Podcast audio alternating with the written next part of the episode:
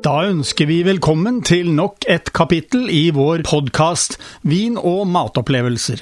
Som vi har gjort tidligere, vil vi tilby deg gode tips om mat og vin, ikke minst nyheter etter hvert som de kommer på Vinmonopolet. I tillegg til det vil vi ta spesielt for oss kombinasjoner av mat og drikke.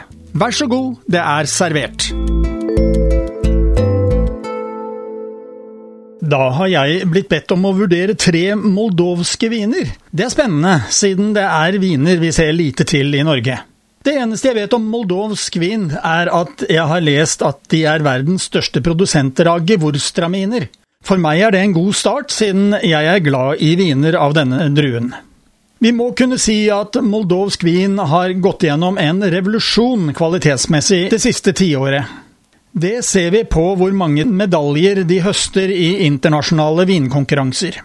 Utgangspunktet var at de var en del av Sovjetunionen, og femårsplanene der var at man skulle produsere så mye vin som mulig. Noe som gjorde at Sovjet ble verdens største vinprodusent. Moldova, foruten Russland og Ukraina, omtales i dag av vinekspertene som en av de tre tungvekterne på vin i Øst-Europa så har Moldova også en 4000 år lang historie på dette området. Bare slått av Georgia, der man i arkeologiske utgravinger har funnet druesteiner som er enda eldre.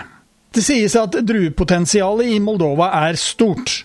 Moldova har i dag 12 000 hektar vinmarker plantet med over 50 forskjellige druetyper. Alle de tre vinene vi har fått til testing, er på Vinmonopolets bestillingsutvalg. Den første vinen vi tester, er en tørr hvitvin. Lille Sofie, eller Gitana La Petite Sophie, fra 2016. Den har 3,9 gram sukker per liter, noe som tilsier at den er godt innenfor det tørre området. Denne vinen er en blandingsvin av fetasjka regala-druen, eh, chardonnay og riesling-druen.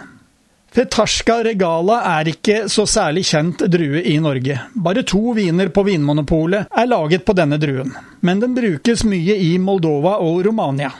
Vinen er som nevnt fra 2016, har fått fire år eh, bak seg, og er altså ingen ungdom for å være en hvitvin. Fargen er gyllen gul, det er kraftig duft, og den er rund. Jeg tenker på tropisk frukt når jeg kjenner på den. Det er en innsmigrende, fyldig og kraftig smak. Den følger duften og går i retning av tropisk frukt. Kanskje litt ananas og aprikos.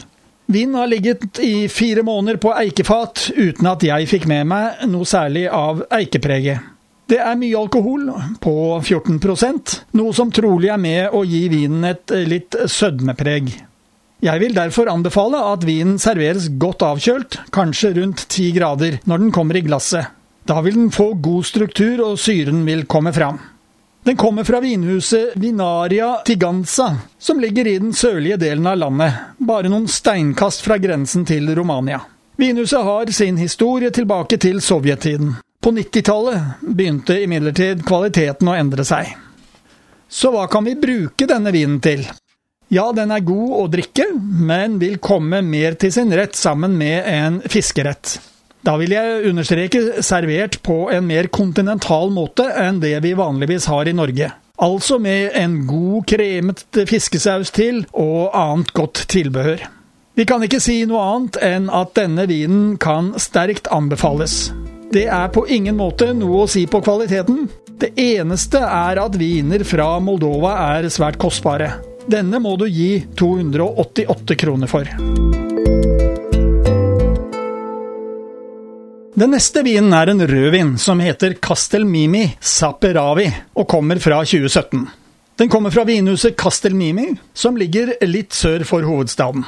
Vinhuset er et enormt kompleks av vinproduksjon, hotell og restauranter.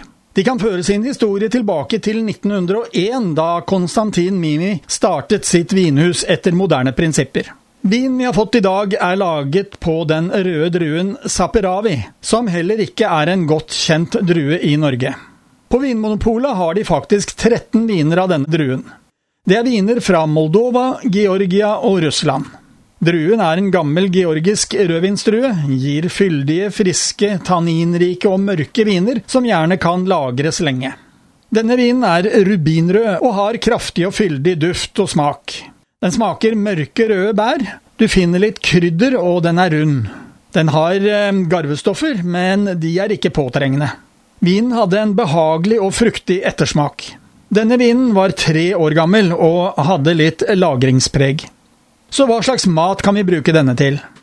En god søndagsmiddag med svinestek og masse godt tilbehør tror jeg kan passe. Jeg vil heller ikke ha noen problemer med å ta denne fram til en biffmiddag. Vi kan ikke si noe annet enn at denne vinen kan sterkt anbefales. Det er på ingen måte noe å si på denne kvaliteten. Men også for å få denne vinen må du betale litt. Denne må du gi 234 kroner for. Den siste vinen vi har foran oss her, eh, det er også en rødvin. Den kommer fra samme vinhuset som hvitvinen, Vinaria Tiganza. Den heter Gitana Lupi, som vi gjetter betyr ulv, og er fra 2016. Også i denne vinen finner vi druen Saperavi, i tillegg til Merlot og Cabernet Sauvignon. Fargen er rubinrød, duften er svært fyldig, kompleks og kraftig. Det samme er smaken. Jeg kjenner både mørke frukttoner, vanilje og kaffebønner i duften. Vinen har ligget rundt tre år på eik, noe som har gitt et tydelig preg av dette. Den er tørr, rundt 4 gram sukker per liter, og har fin, balanserende syre. Vinen er rund i smaken og gir et litt sødmeaktig preg, noe som trolig er fruktsødme, men også som kan være litt eh, framhevet av nesten 15% alkohol. Så hva slags mat kan vi bruke denne vinen sammen med? Som den forrige vinen kan den nok passe sammen med en kraftig svinestek. En kraftig biffmiddag vil også helt klart passe.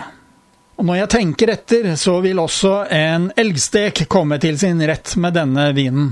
Den er rund i smaken, som vinen er. Dette var en deilig vin, og prisen, ja, den følger av at moldovske viner koster mye, 325 kroner.